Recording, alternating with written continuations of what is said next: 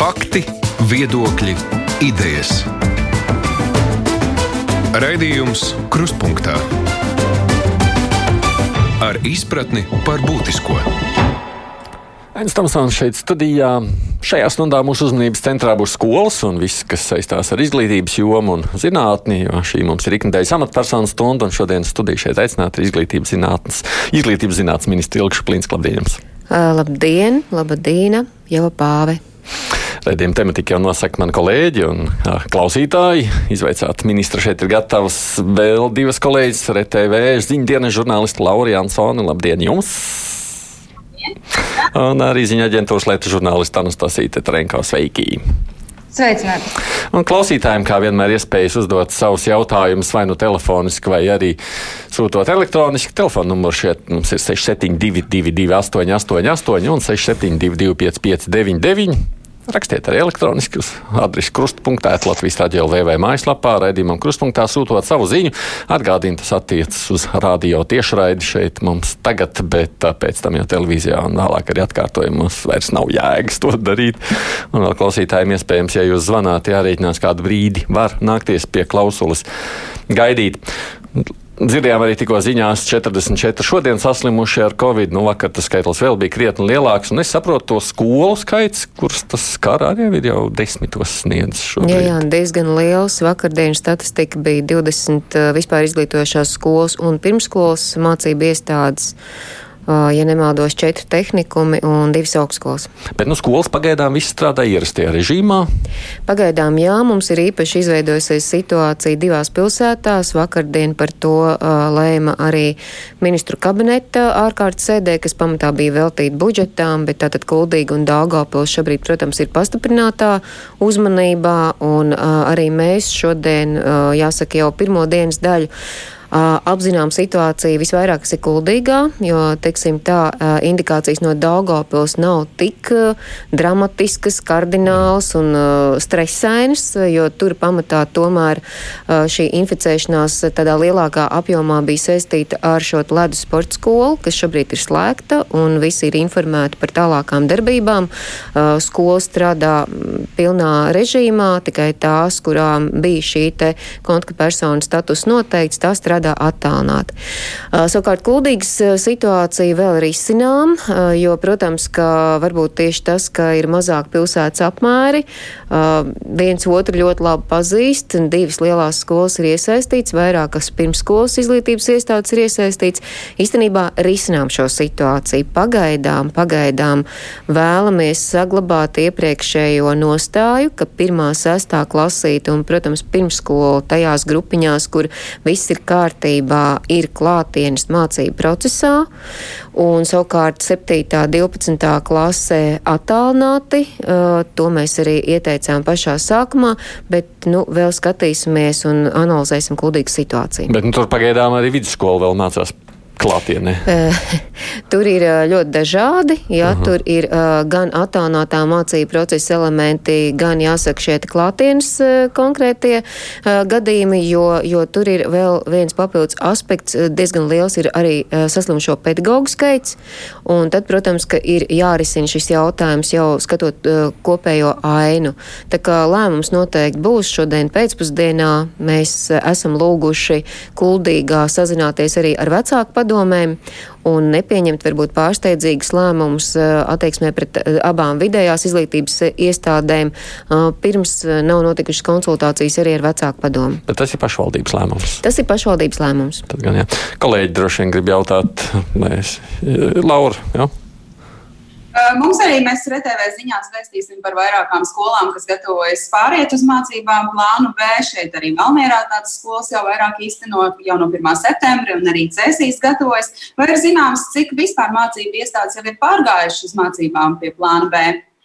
Tātad, uh, septembra sākumā tās bija apmēram 115 uh, vidusskolas, pamatā lielā izmēra vidusskolas lielajās pilsētās. Uh, Varbūt uh, uzreiz arī klausītājiem, ka modelis B, tas nozīmē, ka attālinātajā mācību procesā ir uh, no šiem te, jāsaka, 20 līdz 40, pamatā 40% attālinātā mācību darba. Tad, tad uh, atsevišķi skolas pieņēmuši lēmumu 50%, jā, bet tas nenozīmē, ka tā ir absolūti pārēja tikai uz attālināto mācību procesu. Tā tā viena diena iet, viena diena neiet, nu kaut kā tā. Nē, ir dažādi, ir maiņu, ir skolas, kas iet maiņās, un tad mm -hmm. ir tā, ka uh, ir viena diena tiešām uh, nedēļā, ir uh, viena diena iet, viena diena neiet, varbūt uh, retāk, bet ir viena nedēļa iet un viena Jā. nedēļa neiet, jo tad ir. Uh, pedagogam vieglāk organizēt arī šo darbu.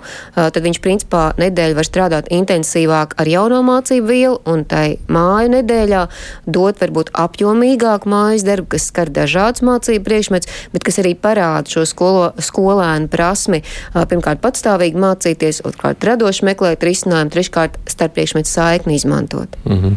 Jā, jā, palīgi skolas, kas to izvēlās, vidusskolas vairāk, kas izvēlās šo plānu B. Uh, es tikko arī teicu, jā, tās ir vidusskolas ar lielu uh, skolēnu skaitu. Nu, jā atgādināšu, ka mēs RTV ziņā esam stāstījuši, ka šīm mazajām skolām nereti rodas problēmas ar šo dažādo epidemioloģisko prasību ievērošanu. Piemēram, ir šie skolēnu autobusi, ar kuriem bērni tiek atvesti no rīta uz skolu, un šeit nu, tātad šie bērni netiek nodrošināti divi metri skolēniem. Nu, kā jūs vērtējat, kā tad rīkoties šajās situācijās un ko skolām darīt, pieaugot Covid-19 skaitam? Jā, nu droši vien, ka loģistikas jautājums, īpaši, ja tas ir skolas autobus, primāri ir izcināms pašvaldībai. Tā gluži nebūs izglītības un zinātnes ministrijas atbildība. Tas ir pirmais. Otrais, eh, tas, ko mēs esam aicinājuši arī augustā uzreiz izvērtēt, ir bijušas vairākās tikšanās reizes, kurā ir piedalīsies arī izglītības un zinātnes ministrija, kā pārvadātājs redz šo te, e, jāsaka, pārvadāšanas procesa izmaiņu, vai tā ir iespējama. Trešais ir skaidrs, ka Covid apstākļos, Katra vecāka atbildība pieaug, un es vienmēr esmu atkārtojis un atkārtošu, ja tikai ir šī iespēja, ir jāmeklē arī citas iespējas, kā nokļūt līdz skolai, īpaši, ja skola atrodas, es nezinu, kilometru vai divu attālumā. Mm -hmm. Anastasija arī gribēja jautāt. Jā.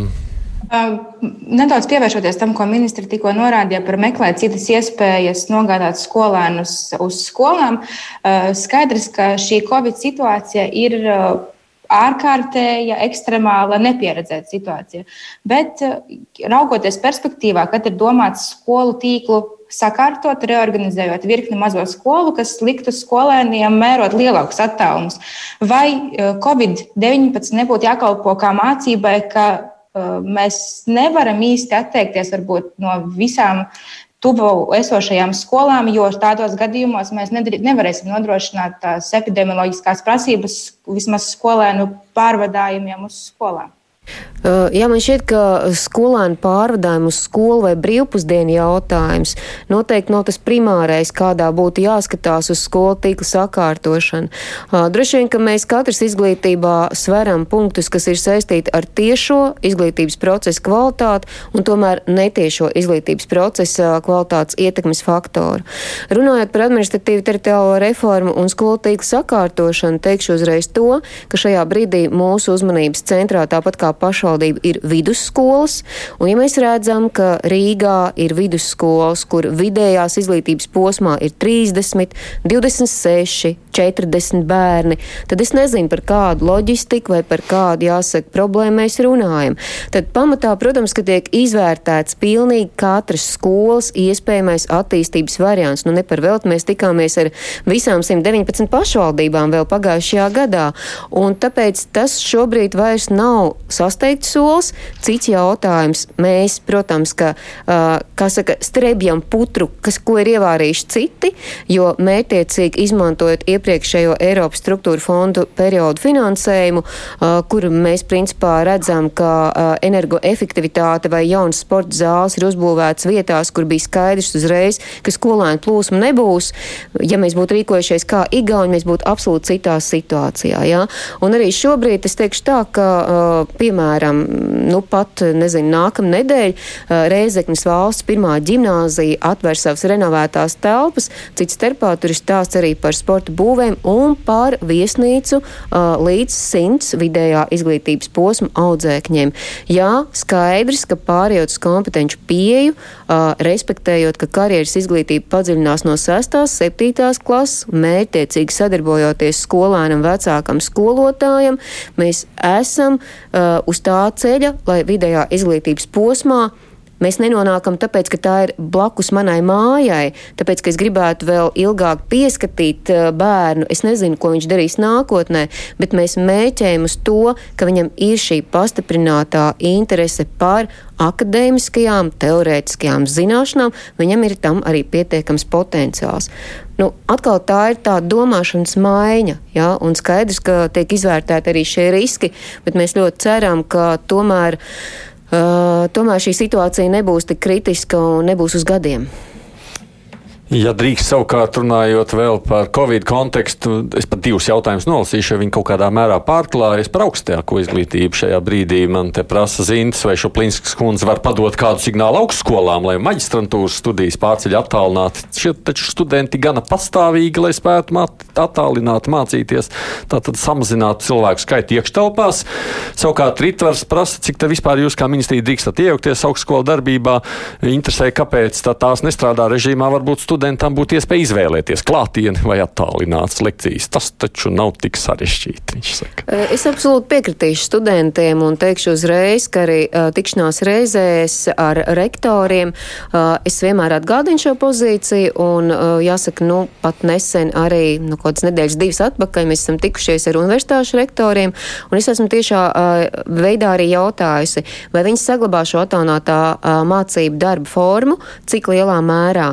Atbildes ir bijušas dažādas. Jā. Tad, tad augstskolu autonomija, protams, ir jārespektē, un tur mēs esam ieteikumus uzrakstījuši līdzīgi kā skolām, un uh, esam saņēmuši atbildi, ka tajās programmās, kur uh, tas jau ir attīstīts, kur uh, tas ir iespējams, tas arī notiek. Protams, ka es domāju, ka vērtējot Covid situāciju, arī augstskolu vadība krietni mētiecīgāk skatās uz šo konkrēto valsts situāciju un pieņem noteikts lēmums, jo vairāk tādēļ, ka augstskolu sistēmā Moodle vide, e-vide darbojas, Cits jautājums, vai augstskola uh, ir radījis arī prasību docētajām tajā iesaistīties, jo īstenībā augstākajā izglītībā es jums absolūti piekritīšu, nu tas nav sarežģīti uh, izmantot šīs abas divas uh, formas. Mm. Jā, kolēģi, Anastasija. Jautājums Par at, arī par attālinātajām mācībām. Šeit vairāk izglītības iestāžu skolu kontekstā skaidrs, ka pie attālinātajām mācībām svarīgs ir tehniskais nodrošinājums, internets, planšetes, datori un skaidrs, ka datori aizvien ir liela sāpe virknei izglītības iestāžu un pašvaldību. Zinu, ka pieņems lēmums bija par datoru piegādi izglītības iestādēm, kas ir pašvaldību pārziņā. Jautājums ir, kā ir ar skolām, kas ir izglītības zinātnes ministrijas, kultūras ministrijas pakļautībā. Saprotu, ka iepriekšējais lēmums par pašvaldību izglītības iestādēm īsti neat, neatrisina problēmas ar skolēniem citās izglītības iestādēs. Runa ir par profesionālās izglītības iestādēm? Jā, profesionālās izglītības iestādēm tos. Tātad par profesionālās izglītības iestādēm teikšu uzreiz, ka jā, četros miljonos, kas ir mērķēti uz tātad, skolu tīklu pamatā vispār izglītošās skolas, tās tur nav iekļautas, bet šobrīd vērtējot izglītības un zinātnes ministrijas atlikums, viena no pozīcijām ir novirzīt novirzīt arī mērķēti finansējumu tieši uh, datortehnikas atjaunošanai profesionālās izglītības iestādēs. Uh, es gan nevaru teikt uzreiz, ka uh, tas skar arī kultūras ministrijas pakļautībā esošo uh, konkrēto spektru. Šajā brīdī tas primāri skar tos tehnikumus, kas ir apzināti tieši izglītības un zinātnes ministrijas pakļautībā esošo spektru. Ja par vēl tālinātām mācībām Aivars prasa savukārt, kā lai aizklauvējas līdz kādiem eksakto priekšmetu skolotājiem, viņa gadījumā tā esot Juglas vidusskola, viņš saka, kā lai piespiež šos skolotājus skaidrot sarežģīto jauno vielu, jo parasti mums tur norāda lasiet grāmatā, bet mums vajag izskaidrot, vienalga tieši saiste video, audio, jeb kā. Mēs nevaram aizklauvēties. Jā, tas ir sarežģīts komunikācijas jautājums, jo man tā šķiet, ka pats svarīgākais patiešām ir runāt ar skolotāju un varbūt varbūt nu, tad, vienojoties klasē, vienkārši sākt stundu ar to, ka skolotāji mēs šodien nu, neesam gatavi stundai, jo jūsu uzdoto uh, vielu nespējām saprast. Varbūt mēs varam mēģināt kopīgi pārnāt. Es ieteiktu vienoties klasē un vienkārši šo stundu šādā veidā iesākt. Teikšu uzreiz, ka, protams, laiki ir dažādi un arī mans uh, skolas vecums ir atšķirīgs no jūsu, bet, uh, godīgi sakot, uh, padomu sistēmā mainīt stundas ritējumu bija varbūt vēl grūtāk, bet mums bija atsevišķi skolotāji, kur mēs šādā veidā panācām, ka mēs pārnājam mācību vielu sarunāties, sarunāties un vienkārši patiešām ļaut saprast, kas ir tie kritiskie punkti, kur varbūt ir vajadzīga papildus mācīšanās, papildus atbalsts, un es ceru, ka skolotājs to sapratīs. Laura, jautājums droši vien tev. Jā, Latviešu diaspora mums ir norādījusi, ka viņu prāt visai necaurspētīgi šobrīd tiek izmantoti līdzekļi, kas ir izglītības un zinātnes ministrijā, lai sniegtu atbalstu viņiem, proti 1,3 miljonu eiro gadā, kas tiek izmantot šobrīd, lai organizētu mācības ārvalstīs. Tad arī valsts valodas centra darbinieki dodas uz dažādām pasaules valstīm, lai pieņemtu latviešu valodas eksāmenus, tāpat tiek iespiestas mācību grāmatas, bet diasporas pārstāvji uzskata, ka šobrīd ar viņiem tā īsti neviens pat nu, nepakonsultējas, kā šos līdzekļus varbūt efektīvāk izmantot. Tāpat arī nav tāda nu, pārskatāma redzējuma, kā šie līdzekļi vispār tiek izmantoti. Kā jūs vērtējat un redzat, kur tad varbūt ir šī komunikācijas kļūda vai problēma, kā šos līdzekļus efektīvāk izmantot un nu, ko darīt, lai šie līdzekļi sasniegtu diasporu? Jā, pirmkārt, es gribētu precizēt, ko jūs saprotat ar diasporas latviešu. Nu, tie, kas dzīvo ārvalstīs. Redzat, es tik, tikko sestdien runāju ar ELA, tātad Eiropas Latviešu apvienību. Pavisam nesen bija arī Pasaules Latviešu apvienības pārstāvi, un viņiem šāda nostāja nav. Tāpēc es arī gribēju precizēt, no kurienes nāk šāds redzējums, jo īstenībā šis te uh, finansējums, kas tiek mērķēts diasporā esošai skolai, tiek tiešā veidā saskaņots ar abām šo, šajā, šīm te diasporā vadošajām organizācijām. Tā ir viena lieta. Otra lieta, ko es varbūt uzreiz arī piebildīšu, ka uh, tas, kas man pašu neapmierina, ir tas, ka uh, patiešām tas finansējuma apjoms uh, tiek eh, dalīts ļoti dažādi. Un tas bija mans jautājums eh, gan diasporas latviešiem, gan atbildīgajai arī eh, atbildīgajiem departamentam, kas ir tie kritēriji, kādēļ, pieņemsim, pie viena un tā paša skolēnu skaita un pat pie vieniem un tiem pašiem nosacījumiem, nu, sadalot tur Eiropa, Ameriku un Austrāliju, tie, protams, ir pilnīgi dažādi segmenti, jā, mēs redzam, ka tas finansējums ir krietni atšķirīgs. Un tad tie iemesli, kas tiek skaidrot, ir tādi, ka viņiem ir iespēja izvēlēties valstīs, un tas ir atkarīgs no valsts, kurā atrodas šī skola. Vienai valstī ļoti svarīgi ir, lai varētu panākt nepieciešamās licences. Citai ir atkal ļoti svarīgi, lai varētu noīrēt telpas, bet citai pat tiešām ir vajadzīgs tikai mācību līdzekļiem šis te, konkrētais finansējums. Teikšu uzreiz, ka tas ir mans uzdots jautājums pamatā, un mana interese ir iekļaut arī atbalstāmajās pozīcijās to, kas ir saistīts ar attālinātajām mācībām. Un tāpēc Tāpēc oktobra sākumā, šķiet, ka tieši nākamajā nedēļā mums ir noteikta tikšanās uh, lielvārda apgādā, jo lielvārds ir tas, kas ir kūrējis šo te digitālo uh, rīku klasu flūku, kas ir domāta tieši diasporai. Un tad es gribu ar viņu iepazīties, uh, jo man viņš, nu, vismaz pēc atsauksmēm, uh, izskatās gan smagnējs.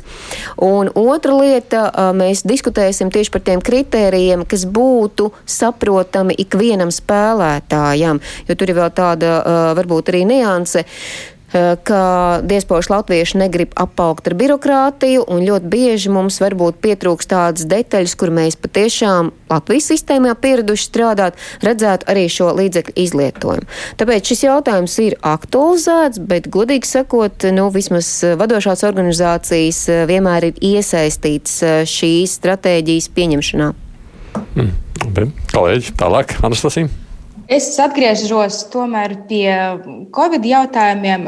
Skaidrs, pagājušajā un aizpagājušajā nedēļā bija skaļi izskanējis jautājums par pedagoģu trūkumu izglītības iestādēs. Un gribēju sākt ar to, vai uh, ņemot vērā pedagoģu grūtības strādāt arī tādos apstākļos, vai uh, pedagoģisko vakanču skaits izglītības iestādēs pandēmijas rezultātā pandēmijas izraisītās ārkārtējās situācijas rezultātā ir kaut kā nosvārstījies, vai tas ir ietekmējis to, ka skolēt, skolotāji izdomā vairs nestrādāt izglītības iestādēs.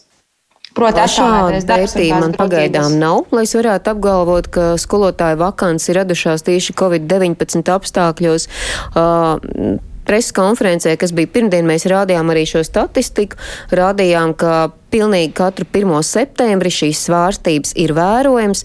Atgādināšu klausītājiem, šobrīd sistēmā ir gandrīz 50 tūkstoši skolotāji, šeit ieskaitot interešu sporta, vispār izglītojošos pirmskolas eh, un arī profesionālās izglītības iestāžu pedagogus.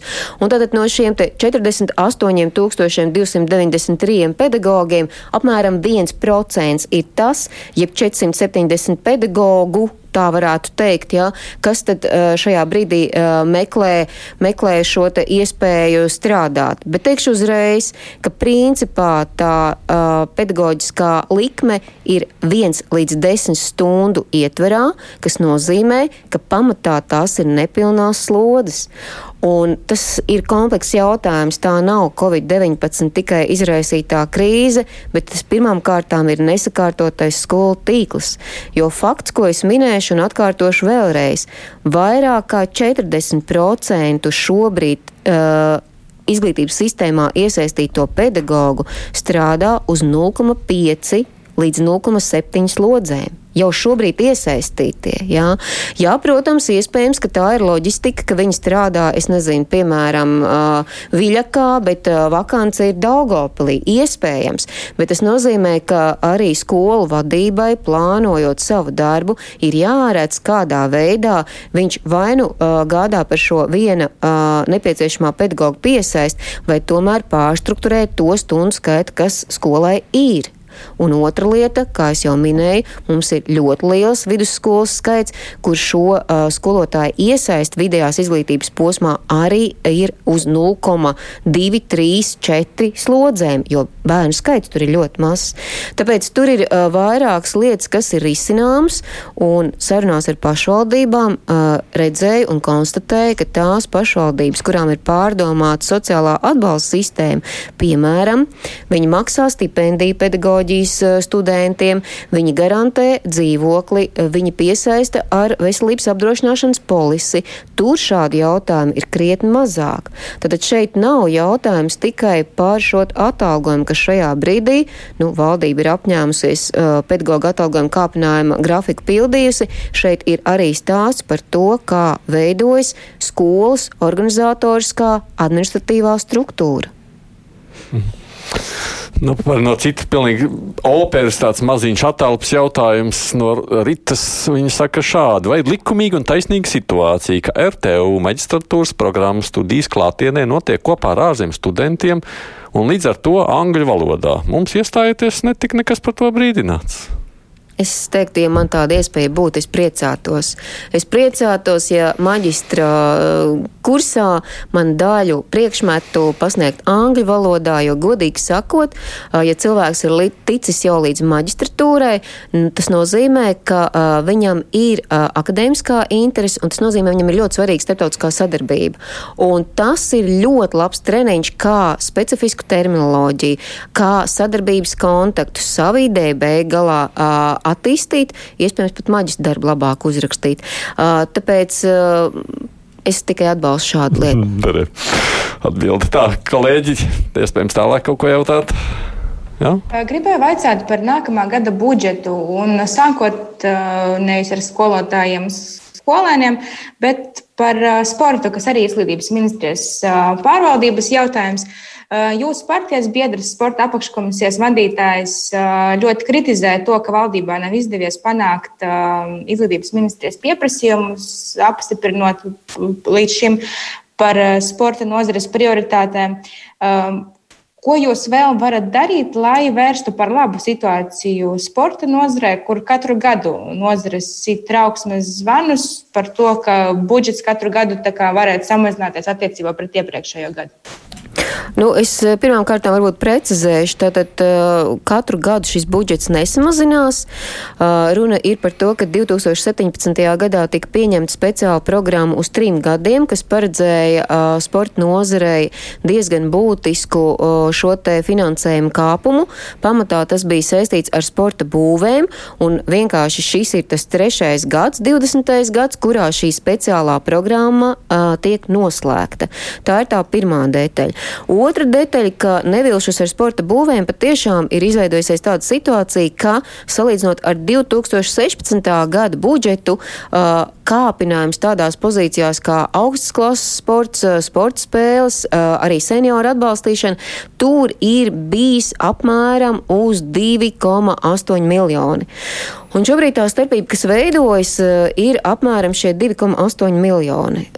Mēs šobrīd meklējam dažādus risinājumus, un īstenībā tā situācija iespējams nebūs tik dramatiska, kāda viņa izskatās vēl uz šo brīdi. Un domāju, ka rezultāts tam būs ne tikai budžeta sarunas, bet arī sporta nozars sakārtošanās. Arī šodien mums bija saruna ar Latvijas Olimpisko komiteju. Ir ļoti skaidri virzieni, kur uh, šī arī ekonomija un arī efektivitāte var parādīties administratīvā resursa samazināšanā pašā sporta nozarē, un plus mēs pārskatām arī savu iekšējo resursu. Iespējams, iespējams mēs tiksim galā ar šo problēmu. Mm. Es atgādināšu tikai klausītājiem, mums šodien ir saruna ar izglītības un zinātnes ministru Ilkšu Plīnsku. Tā ir iespēja gan žurnālistiem, gan klausītājiem viņu izvaicāt. Šeit arī vēl divas manas kolēģis, Laura Jansona no telekompānijas RTV un no ziņa aģentūras Lieta Anastazīte Trenko. Raidījums Krustpunktā. Es viens pacelšu klausuli. Jā, lūdzu! Labdien! Labdien. Es gribēju pajautāt Šuplīnskas kundzei par skolotāja prestīžu. Esmu vecmāmiņa, manā ģimenē ir divi skolotāji, un abi divi domā par skolotāja darba atstāšanu. Jo tagad ir tāda kārtība, ka skolā kārtību nosaka bērni un vecāki, skolotājs ir kā no malas jo skolotājs neko nevar bez vecāku piekrišanas. Un, un, un kā saka, bērniem ir, ir, ir tiesības, bet pienākumu nav. No nu, vecmāmiņa izteica daudz, droši vien mūsu klausītāji pārdomas par to, ko viņi vēro skolās. Tur, ir vairāk jautājumu uzreiz, un teikšu uzreiz, ka uh, skolotāju prestižs patiešām ir ļoti svarīgs. Uh, visas šī gada garumā, arī nākamā gada garumā mēs noteikti ne tikai par to runāsim, bet patiešām domāsim, jo viens no darāmajiem darbiem ir uh, met metodoloģiskā un metodiskā darba atbalsta uh, regulāra sistēmiska izveidošana. Un sakarā ar administratīvu teritoriālo reformu mēs arī redzam tam ļoti konkrēts aprises. Tas ir viens. Otra lieta man šķiet, ka uh, pedagoga prestižs auga līdz ar attālināto mācību procesu martā un aprīlī, jo tajā brīdī, kad bērni bija mājās un kad bija jāskaidro šī jaunā viela vai jāpalīdz atsevišķos uzdevumos, tad visi uh, domāja par to, cik svarīgi, ka skolotājs ir, cik svarīgi, ka mums ir šī iespēja izglītoties.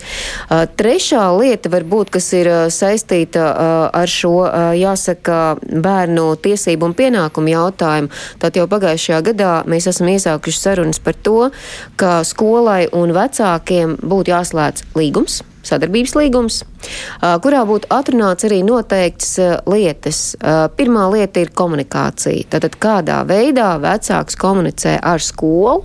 Otrā uh, lieta, kas ir ļoti svarīga, ir uh, personas datu aizsardzība.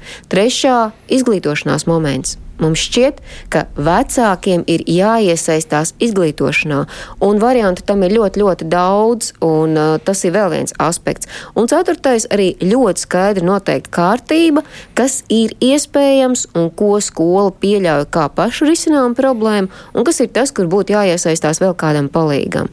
Un teikšu, ka par šo patiešām domā ļoti daudz, un šobrīd ir tāds uh, ļoti cerīgs uh, atkal laiks, kurā uh, nevalstiskā organizācija plēc šobrīd pilotē mm, nu, jau uh, digitālo rīku par sociālo emocionālo uzvedību. Un tā doma ir tāda, ka uh, šogad tā uh, tikai atsevišķās skolās tiek pilotēta, Iespējams, ar nākamo gadu tā parādās visur. Un tā Rīga darbība ir sekojoša, ka pirmajā klasītē neatkarīgi no, jāsaka, bērna uh, ievirzēm un tā tālāk, uh, skolotājs aizpilda vienkāršu sociālo emocionālās uzvedības testu, atbildot jā, nē, kas bērnam padots un kas nē. Uh, to izvērtē sociālais pedagogs, klasē izgaismojas trauksmainākie, tieši otrādi klusākie, varbūt uh, lēnāk, uh, adaptēties spējošākie, nu, dažādi grupu bērni, bet principā šī prevencija ļaut iespējams novērst gan to, ka bērns nejūtas labi skolā, gan to, ka potenciāli rodas tālākie sarežģījumi. Tā būtu tā kā ceļa karte vecākam un skolotājam, kā palīdzēt bērnā atklāt viņa talantus, kā viņam uh, patiešām, nu, palīdzēt adaptēties un atrast pašam sevi. Tāpēc es ļoti ceru, ka kopā ar vecāku ieinteresētību un līdzatbildību izglītošanās procesā mēs spēsim skolotāju prestīžu celt. Hmm. Laura, Vasarā RTV ziņās jau vēstījām par triju universitāšu apvienošanos - Latvijas Lauksaimniecības Universitāti, Liepājas Universitāti un Daugavpils Universitāti.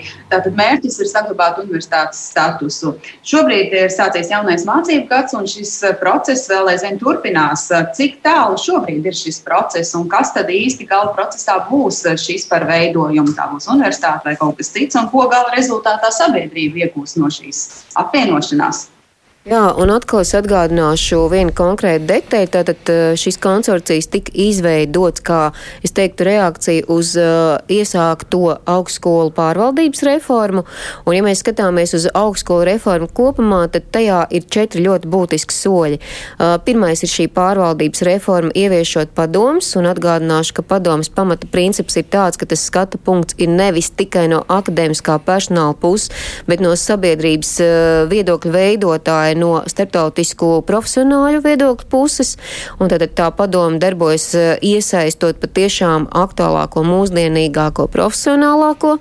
Otrs solis, kas ir ļoti svarīgs, ir akadēmiskā personāla karjeras eh, izmaiņas, un šeit ir akcents no docētāja uz pētnieku, un tā ir ļoti svarīga uh, pārmaiņa, lai principā stiprinātu to, ka augstākajā izglītībā un konkrētajā institūcijā ir ļoti spilgti ilgt nosprausta šī strateģiskā specializācija, un tajā iesaistītie docētāji savu studiju materiālu attīsta, ja ne tikai uz pašpētījumu, tad konkrēti uz jaunāko uh, pētniecībā, zinātnē un savā nozarē. Trešais solis ir skaidrs, ka tam seko finanšu uh, modeļa maiņa, un tai finanšu modelī ir vairāk soļi, un skaidrs, ka mums ir ļoti liels akcents uz uh, docētāju attaudzi, uz doktorantu atbalstu. Uh, ļoti liels solis ir uz tenūras atbalstu, tātad tā profesora vadošā pētnieka atbalstīšana, kas ir vilcējs kādā nozarē, nu, piemēram, Ambāņa kungs kvantu fizikā. Un trešā lieta, ka augstā, augstākās izglītības institūcijas finansējumā mēs visu laiku dzirdam, ir nepietiekams finansējums, un ar to mēs saprotam, ka augstskolas pamatā gaida šo finansējumu pieaugumu no valsts, un daļai patiesība tur ir tomēr, ja mēs skatāmies reitingus un lielākās universitātes, tad tur parādās tāda statistika, ka apmēram 30% veido valsts finansējums, 30 e, Eiropas struktūra fondu projektu finansējums un 30 cits piesaistītais finansējums. Tātad šeit ir jāsaprot, ka tā padoms rektora akadēmiskā personāla sadarbība, tenūras veiksme ir tā, kas var pamainīt arī augstskolas finanšu plūsmu. Un ceturtais ir ļoti svarīgs solis - konsolidācija. Un konsolidācija visplašākajā šī vārda nozīmē cilvēku resursu programmas un, mēs domājam, arī institūcijas. Tāpēc, kas ir konsorcijas? Konsorcijas no mūsu skatu punkta, no Izglītības un zinātnes ministrijas skatu punkta ir pagaidu forma, tātad noteikti laika izveidota, kas meklē optimālāko risinājumu tālākai attīstībai, lai paspildinātu savu strateģisko specializāciju, lai noturētu to studiju virzienus, kur viņiem ir ekscelenta zinātne, lai nedublētu mācību priekšmetu un programmas un lai izvēlētos programmai spēcīgāko profesoru un spēcīgākos nozars ekspertus. Līdz ar to tas principā ir ceļš, kas uh, pārtrauc uh, konkurenci šeit pat Latvijas mērogā, un ar aptaunātā mācību procesu vēl sastāvdaļa, tā ir principā robežu ignorēšana un pārēja jau uz vismaz Eiropas tirgu. Ja? Un tā ikdiena ar uh, Rīgas Tehniskās Universitātes pieminēto maģistratūru, tā varētu vērsties tādā, uh, es neteikšu, ka tikai angļu valodā nebūtu, nē, bet noteikti krietni mērķtiecīgākā arī citu Eiropas Savienības valstu valodu izmantošanā. Kur ir minētais konsorcijas? Minētajiem konsorcijiem ir diezgan skaidrs laika grafiks, principā uz nākamā gada februāri viņiem sadarbojoties ar pilsētu, pilsētu domēm, zemkopības un izglītības un zinātnes ministriju, ir jānonāk līdz jaunam juridiskajam ietveram.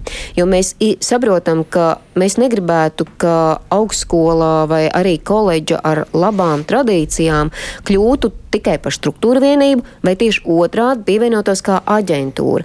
Abos gadījumos mēs redzam, ka uh, pīva uh, gadījums nu, nesa uh, sev līdzi ļoti liels blaknes un atsevišķas uh, programmas tradīcijas īstenībā ir pazaudētas. Savukārt šīs te aģentūra gadījums ir ļoti labi redzams ar medicīnas koledžām. Un iespējams tas ar laiku normalizēsies, bet pagaidām tā ir tā kā valsts valstī. To ļoti labi parādīja Latvijas Universitātes rektora vēlēšana vēlēšanas, kur uh, arī atsevišķos punktos koledža kā tāda nemaz netika respektēta. Nu, lūk, un tad Jautājums ir par to trešo modeli, un tas trešais modelis, protams, ka juristi par to vairāk domā, un es viņam pagaidām to aprisu varu iezīmēt tikai tādu, ka ir, uh, piemēram, Daugopils universitāte. Viņai ir ļoti spēcīga uh, sava strateģiskā specializācija. Tās ir šīs dabas zinātnes, piemēram, un tā ir šī uh, nozara, kas ir saistīta uh, ar, ar šo pētniecību. Un tas ir viņa tas atzars, kas ir uh, jāsaglabā. Un tas, ko viņi varētu konsorcijā pārskatīt, ir tas, kas pārklājas. Nu, piemēram, filoloģija ir Liepājā un Daugopilī, cik lielā uzņēmēja darbība un tā tālāk. Ja? Un tad ir tā, ka ir tas konstantais, kas raksturot tieši to. Uh, atsevišķo iestādi, tā ir viņu autonomija. Bet tas, kas ir saimnieciskais, tas, kas ir netiešie, tas, kas ir saistīts ar, es nezinu, pretendēšanu uz uh, Eiropas struktūra fondu finansējumu, tas, kas ir šīs kopīgo programmu veidošana, tas ir tas lauks, kurā varētu būt. Uh, nu, teiksim, kopīgu lēmumu pieņemšanu. Un mēs jau domājam tieši par to, ka tā ir arī kopīga padome, kas strateģiski redz spilgtos punktus, spilgtajos punktos ir tā autonomija, bet par pārējo saimniecību var domāt. Nu, par citām tematikām Andris prasa vēl par skolām atgriežoties, vai ir plānots palielināt valsts, valsts mērķdatāciju mācību līdzekļu iegādēju un tieši likumā veikt izmaiņas, lai šī daļa mērķdatācijas aiziet obligāti digitāliem līdzekļiem. Jo es kā vecāks skatos skolas pērk tikai grāmatas, bet par mūsdienu digitāliem mācību līdzekļiem man nemaz nedomā. Es būšu pateicīga uh, Andrim, ja viņš šo savu vēstījumu uzrakstīs izglītības, kultūras un zinātnes komisijai uh, saimā, jo mēs esam iesnieguši šādu šādu priekšlikumu, mm. lai mainītu mācību līdzekļu definīciju.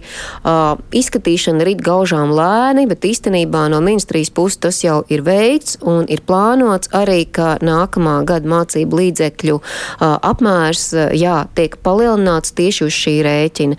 Un cits starpā var tikai norādīt, ka arī šobrīd mēs strādājam un ļoti ceru, ka šodien rīt arī pabeigsim pie tehniskās specifikācijas, kur esam nepelnīti ilgi aizkavējušies izstrādājot tiešsaistes rīka specifikāciju un izstrādājot, varētu teikt tā, vienots autentifikācijas platformu, lai skolotājam, tāpat kā skolēnam un vecākam, būtu iespēja vienotā, vienotā autentifikācijā skatīt klasvedību, mācību resursu krātuvi, atgrieznisko saiti 1, 2, 3 un tiešais rīku 4.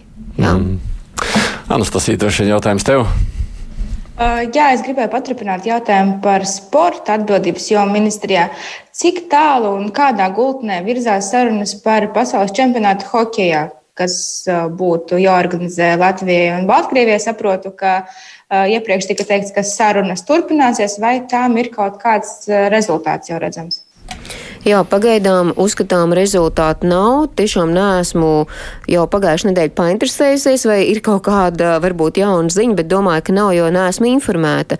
Tad eh, šī brīža situācija ir šāda, ka Starptautiskajai hokeja federācijai ir aizsūtīts eh, gan izglītības un zinātnes ministrijas, gan valdības, gan arī nevalstisko organizāciju, un kā mēs zinām, arī Eiropas Savienības eh, noteikts, jāsaka, skaidrs redzējums par to, ka mēs no savas puses esam gatavi piedalīties eh, pasaules hokeja čempionāta rīkošanā, bet mēs neredzam iespēju tai situācijā, kāda valda Baltkrievijā, ka šis čempionāts eh, daļai notikt arī Baltkrievijā. Starptautiskā hokeja federācija šobrīd ir iesaistījusi ekspertu grupu, visu laiku sazinās arī ar mūsu federāciju un šobrīd izvērtē šos apstākļus, neizslēdzot arī, saprotu, hokeja čempionāta vietas iespējamo maiņu. Mm. Bet pagaidām nekāda cita jaunuma nav. Bet es gribu precizēt, vai ir kaut kādi termiņi, līdz kuriem būtu šis jautājums jāatrisina, jo laiks iet uz priekšu, organizatoriskie darbi nu, vienā sekundē skaidrs nenotiek. Uh, jā, principā uh, uzreiz tas arī tika teikts, ka uh, sporta pasaulē tas ir apmēram, laikam pat pusgads nesnāk, kādi 4-5 mēneši, tad janvāris varētu būt tas mēnesis, kad arī ir skaidrs lēmums. Mm -hmm. Bet jo ātrāk, jo es, protams, piekrītu jums, lai norganizētu čempionātu, nu, Vienīgi, protams, ir skaidrs, ka Covid situācija darīs savas korekcijas, un arī čempionāta organizēšana būs varbūt drusku savādāka. Pacelšu klausuli. Halo! Labdien! Labdien. Es gribētu ministrs kundzei uzdot šādu jautājumu. Kā viņš skatās uz tādu jautājumu, ka, piemēram, pat Rīgas centrā ir skolas, kurā bērns pabeidz 4. klasi, bet viņam nav bijusi neviena stunda datorikā. Jo direktors paziņo, ka lūk, bērniem nav, nav datora klases, jo bija kaut kas tur jāremontē. Un, piemēram, šī attālinātā strādāšana pagājušā gadā pagājušā mācību gadā trīs mēnešos ne no viena skolotāja nekāds paskaidrojums nevienā mācību priekšmetā, pat ne tik daudz, ka, teiksim, skolotājs atsūtītu bērnam un pateikt, paldies, tos uzdevumus e-pastu un uzrakstīt tos uzdevumus, to esi izpildījis labi, vai tev bija tādas un tādas kļūdas. Nemaz jau nerunājot par kaut kādu tiešsaistes skaidrojumiem vai kaut ko tam līdzīgu. Man liekas, šī, šī nu, vecmāma izklausās ir man, advancētāka par. Man vienmēr bēdīgi dzirdēt šādu informāciju, ja, un teikšu uzreiz, ka es jums ieteiktu ļoti skaidri arī tad uh, vērsties pirmām kārtām pašā skolā pie vadības, ja tas nelīdz, tad noteikti nākt arī uz izglītības kvalitātes uh, valsts dienestu. Mēs noteikti skatīsim šo situāciju, jo tā tam nevajadzētu būt. Tas ir viens moments. Uh, otrs moments, ka, protams, attālinātais mācību process, kas bija šajos divos mēnešos, nu, tas bija neparedzēts, jā, un mūsums varēja iestāties daudziem. Tieši tāpēc pirmo un sesto klasīti arī pēc vakardienas sēdes mēs patiešām vien, vienbalsīgi ministru kabinets atbalsta, ka tas ir pēdējais, pie kā jebkurš ķersies un mazinās, jāsaka, šo iespēju klātienē būt, un tāpēc mēs ļoti, ļoti ceram, ka šādas situācijas neatkārtosies. Bet es aicinu jebkuru, ja jūs redzat, ka skolā skolas dzīve nekārtojas tā, kā jūs gribētu, tomēr būt aktīviem vecāku padomē un izmantot šīs iespējas, lai kopīgi risinātu šos jautājumus. Lai vienkārši precizētu, tad, tad tiem klausītājiem man te vairāk rakstu saka, nu, kā kaut tiem maziem bērniem būs jāsēž. Par maziem bērniem šobrīd runa nav. Ne, ne, par maziem Jā. bērniem. Atkārtoju trešo reizi, pirmā, Jā. sestā klase ir A modelis. Protams, tur, kur ir pašizolācija, tur nu, jā, ir pašizolācija, bet pamatā, protams, mēs turēsim tieši šo uh, izglītības daļu līdz pēdējai iespējai klātienē. Mm -hmm. Jā, kurš vēl no jums? Es gribēju uzvaicāt, uzvaicāt uh, uh, apvaicāties par ārpus stundu nodarbībām, par interešu izglītību. Skaidrs, ka pat laban piesardzības apstākļos ir noteikts tas, ka bērniem izglītības iestādēs skolās nebūtu jāpārklājas klasēm, bet jāuzturas viena kolektīva ietvaros. Skaidrs, ka pulciņos tas īsti nav iespējams.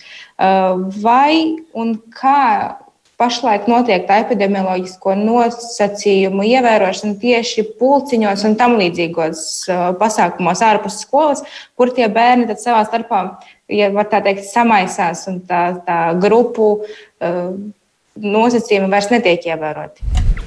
Jā, nu te uzreiz atbildēšu. Tātad, ja tas būtu tikai mans lēmums, tad es noteikti septembrī un oktobrī uzsāktu tikai ar formālo izglītību. Un tikai tajā brīdī, kad redzētu, ka indikācijas ir gājušas mazumā vai vismaz stāv uz vietas, atļaut šo iespēju ārpus klases un interešu izglītības aktivitātēm.